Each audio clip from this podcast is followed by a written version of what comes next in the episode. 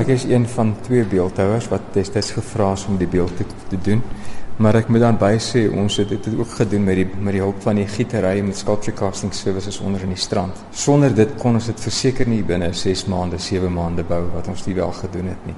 Ons sou dit sou letterlik omtrent triple die tyd neem om daai beeld te maak. Ons het vir Dali Tambo vir die um, National Heritage Foundation is hulle besig met 'n projek The Long Walk to Freedom. Mm -hmm. En ons het vir hulle gewerk aan hulle lewensgroot beelde wat daar is. En sommige van die beeldhouers, hulle het 'n redelike stal van beeldhouers, Suid-Afrikaanse beeldhouers, bekende beeldhouers. En sommige van hierdie beeldhouers het aan van die projekte in collaborations met mekaar gewerk. Dit het net so uitgewerk. Ehm um, en ons in my en Roan, ons het 'n bietjie van 'n collaboration gehad met van die figure wat daar gebeur het. En dit het so gebeur, ons was heeltemal geëer met dat ons gevra is om die Madiba beeld te doen daar, ja. Hoe ver dit as mens so samewerkende ooreenkomste het? Wat doen jy? Wat doen hy of Ek dink is 'n bietjie alchemy wat betrokke is. Ek dink dit het met die regte mense en die regte gesindheid en die regte ehm um, persone wees wat saam kan werk. Nie twee, dis nie maklik vir twee mense soos 'n verhouding. Is nie twee mense klik sommer net en werk saam nie. Maar met my en Roan se werksverhouding is dit van so 'n aard ons wil 'n beeld hê wat mooi lyk. En ons het vooraf besluit ons gaan saamwerk. En daarom maak eie kunstenaars privaat kunstenaars ego maak nie hier saak nie. Dis die collaboration die samewerking wat vir jou die beeld gee wat op die einde werk is. Ek weet ons het op, op ons werk aan oppervlaktes op die beeld en dan ek kan 'n neus maak of 'n oor maak of iets. En dan kan hy kom en hy kan dit oorwerk en ek kan dit weer oorwerk op die einde van die dag weet jy nie het ek daai neus gemaak of ek daai oor gemaak nie dit is net soos dit is. Mm. Daar's 'n groot voordeel daarin. Baie keer as 'n kunstenaar werk, dan is jy so betrokke met jou kunswerk dat jy nie jou eie foute soos 'n ma met haar kind. Jy kan nie jou kind se foute sien nie. Ja, ja. So jy, dan kan die ander kunstenaar kan sê, maar hoor hierso, daar moet 'n bietjie meer ritme kom, daar moet 'n bietjie meer tekstuur kom. Nee, buig hom bietjie verder. So. Mag ons praat oor die hasie of is dit ons kan vinnig ons kan vinnig praat oor die hasie, ja. Wie se idee was die hasie? Myne. O, oh, ek weet ek is nie seker nie, maar ek dink dit was myne. Ons het ehm um, nadat die beelde amptelik goedgekeur, die groot beeld, 9 meter beeld, amptelik deur al die powers to be goedgekeur is en hulle vir ons gesê het ons mag nie ons handtekening op die been sit nie. Dit ons ons het vooraf besluit ons gaan onsself beloon deur vir ons 'n bietjie gereedskap tools, beeldhou tooltjies te gaan koop. Mm -hmm. En in die strand is daar 'n goeie pottebakkerswinkel met baie lekker gereedskap met tools, beeldhou tools, pottery tools.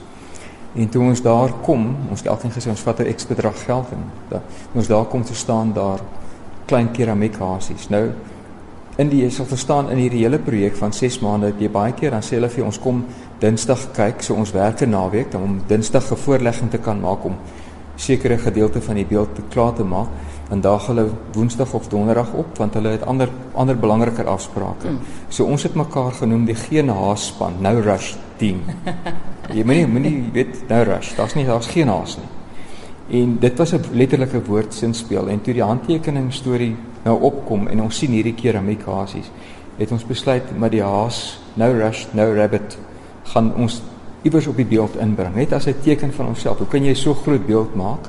Verstaan dit is die kliënt se reg om jou te vra dat jy nie jou handtekening opsit nie. Dit is nie ja. lekker nie, maar dit is sy reg. So het dit ons die hasie opgesit. Maar ek moet sê aan die einde van die dag is ons baie spyt dat ons die hasie daar ingesit. Ek weet dit het baie vermaak gekos en baie plesier en baie mense het gepraat en bespiegel daaroor. Maar dit is ek meen ons verstaan nie mooi um, Madiba het 'n ikoon geword in die binne die Afrika konteks. Die beeld van Madiba het 'n ikoon geword. En dit is vir ons dit is baie kosbaar. Weet vir ons mede landgenote en ons moet dit absoluut respekteer en ons as wit mense as Europeërs het nie die insig gehad vooraf nie. Ons ons sien dit vanuit 'n westerse uit 'n Europese oogpunt. Ons kan mos maar daar's baie bekende kunstenaars wat hulle handtekening skelm opsit of 'n kentekening skelm op die beeld sit. En dit is ongelukkig net in 'n baie sensitiewe tyd gedoen en ons verstaan, weet dit is nie dit is nie die mense is gevoelig daaroor. Mense respekteer dit.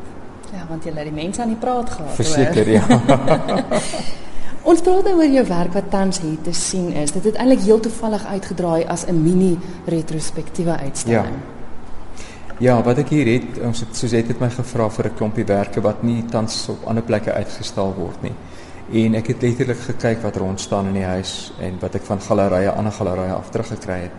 En dit het, het so uitgewerk dat hier's van my van die werke wat hier staan wat ek gemaak het toe ek student was, toe ek 19 jaar, 20 jaar oud was en ehm um, dit dit het gebeur. En dan moet ek ook sê ek was vir 'n baie lang tyd nie werklik 'n aktiewe beeldhouer nie, waar ek beeldhou in my vrye tyd gedoen het, maar nie beeldhou op 'n professionele basis gedoen het nie. So iets van die latere werke wat aan hierdie kant staan wat ek het besluit maar ek meen waar waar begin jy nou weer met beeldhou as jy ernstig begin beeldhou doen? Jy moet begin daar waar jy opgehou het. So jy gaan tel bring die ou beelde bring jy in. Jy gebruik dit as jou verwysing en jy gaan aan met jou nuwe werk. Ek kan nie ewe skielik net mm. ophou nie. Ja, dit is wat ons hier so sien. Dit sluit so mooi aan by Gerard se werk want dit is ook hoofsaaklik figure en ek moet sê hier is hier's twee vroue figure waar, waar die een lê op haar sy so mooi. Dit is regtig so mooi. Hoekom nie menslike figuur? Ons ehm um, dit is vir my so daai katte in my kop want ek hou oor die algemeen nie baie van mense nie. Ek is ek hou van ek hou daarvan om alleen te wees, maar daar's vir my niks so mooi soos die menslike liggaam nie. Dit is een van die mees maar ek, ek dink dit is omdat 'n mens jou eie liggaam het om na te verwys. Jy verstaan jou eie liggaam, jy verstaan jou emosies en jou gevoel. En 'n menslike liggaam is werklik een van die mooiste met al sy imperfeksies. Dit is nie noodwendig nodig om 'n mooi liggaam te wees nie. En dit kan 'n dit kan 'n lelike, sogenaamde lelike liggaam wees, maar dit is nog steeds 'n mooi liggaam. En dit bly vir my dele wat vir my werklik baie lekker is om te werk. Ek het iets interessants raak gelees op jou webwerf waar jy gesê het beeldhou die lig wat wat 'n rol speel in beeldhou. Want ja. jy kan hom op verskillende plekke neersit en hy gaan verskillend lyk waar jy hom ook al sit en waar die lig vandaan kom. Dis korrek, ja. Met 'n skildery kies die skilder of as jy teken, die, die kunstenaar kies dan jou ligbron. Jy sê dit kom van bo af of dit kom van die kant af of van waar ook al. Maar met 'n beeld, jy kan die beeld neersit. Daar is nie 'n ligbron. Dit hang letterlik af van as as hy buite is waar, waar die son staan, as daar galeryligte is waar die ligte op hom val. En dit hang af. En dan die tekstuur wat op 'n beeld is, is werklik baie belangrik want jy as jy 'n baie gladde tekstuur gee, dan het 'n baie baie gladde oppervlakte. Ehm um, so en ek vergelyk dit met 'n skildery wat baie realisties geverf is of geskilder is. En as jy 'n redelike grobbe tekstuur gee, impressionistiese ehm um, kleimodellering het, dan is dit soos 'n impressionistiese skildery. En is presies dieselfde soos lig op dit val. In 'n skildery sien jy letterlik net een profiel, een aansig. As jy om 'n beeld loop, het jy hoeveel aansigte? 360 grade, 360 verskillende aansigte en dis net op een vlak as jy van bo af kyk dan begin dit nou nog anders te kom. Dis reg, so. maar wat wat vir my ook opval is dis 'n harde koue materiaal waarmee mens werk. Ja. Maar dit is hierdie ongelooflike emosionele, warm, menslike figuurtjie wat hier voor my lê. Ja. Ek het die die beelde word natuurlik in klei gemaak en ehm um, ek weet in baie gallerye en in museums staan daar altyd moet asseblief nie aan die beelde raak nie. 'n Mens verstaan dit want as daar duisende mense aan beelde aan 'n bronsbeeld raak, hy hy sluit af, hy, hy raak goud en dit verweer hom. So mense verstaan dit, maar vir my bly 'n beeld 'n ding wat jy aan moet vat. Ek kan nie by 'n beeld verbyloop nie is en as ek weet my hand gaan uit om in die beeld te raak, nie my eie nie, ander mense se beelde, dan weet ek daai beeld praat met my, raak met my want dit is hy hy, hy lok jou uit om hom as 'n tactile ding. Jy moet aan hom dis is 'n essensiële ding. Jy moet aan hom raak.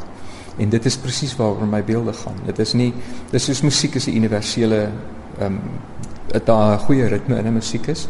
Ek weet verskillende musiek werk vir verskillende mense, maar dan begin jou voet saamwerk en jy begin dans en dit begin jou te laat goed voel. Nou dis dieselfde met beeldhou en met met kunswerk oor die algemeen. Jy wil hê dit is 'n universele taal. Dit moet met mense praat. Uit die aard van die saak inspireer mense jou, maar ek het ook gelees dat beweging is ook baie maal die begin vir 'n beeld. Ja. Ek kyk ehm um, sjoe, dit is daar soveel ritme en goed. Ek ek dink dit is omdat dit so vlietende oomblik is. Beweging is 'n ding as jy nou in 'n kam met 'n kamera werk met 'n lens werk. Jy probeer 'n beweging, jy kan dit vries met 'n kamera en jy kan dit dan kan jy proporsie en alles sien. Maar voor 'n kamera was Dit moes mense beweging teken, mense wat hardloop teken, 'n perd wat hardloop teken. En dit was voordat jy 'n foto daarvan kon neem, ongelooflik moeilik om te bepaal wat presies met 'n liggaam gebeur. Ek werk wanneer ek met met beweging werk. Ja, ek werk dikwels met fotos, maar jy kan nie jy kan nie die heeltyd as jy 'n model het, kan jy nie beweging vries nie. Want die oomblik sit vries is dit staties. So jy moet daar kom baie van myself in die beeld en as ek beweging vries, dan ja, ek werk aanvanklik van 'n foto af. In 'n foto is op een dimensie, jy kyk van een rigting af. Die res kom van my af. Ek moet daai verwerking doen van hoe jy dit hoe jy dit kry. Wat wat met die res van die liggaam, met die ander 359 grade gebeur van die beeld wat wat wat daar gebeur. So jy moet dit regtig gaan uitsoek en ontleed en verwerk. En ritme in 'n lyf bly een van die mooiste goedes. Daar's 'n ritme, daar's daar's heeltemal eh, die die teenoorgestelde goeders wat gebeur in 'n live in die voor en die agterkant wat jy moet werk en is lyn en ritme. Dit is ons gaan kyk baie keer na moderne dans of na ballet en dit het 'n ongelooflike uitwerking op ons. Ons het almal dit al gesien hoe Afrika mense dans, primitiewe mense en jy kan jy sien daai ritme en daai hoe dit jou meesleer en meevoer. En dit is wat in mense in jou beeld wil uitvolg. Wat is wat ek in my beelde wil uitwerk.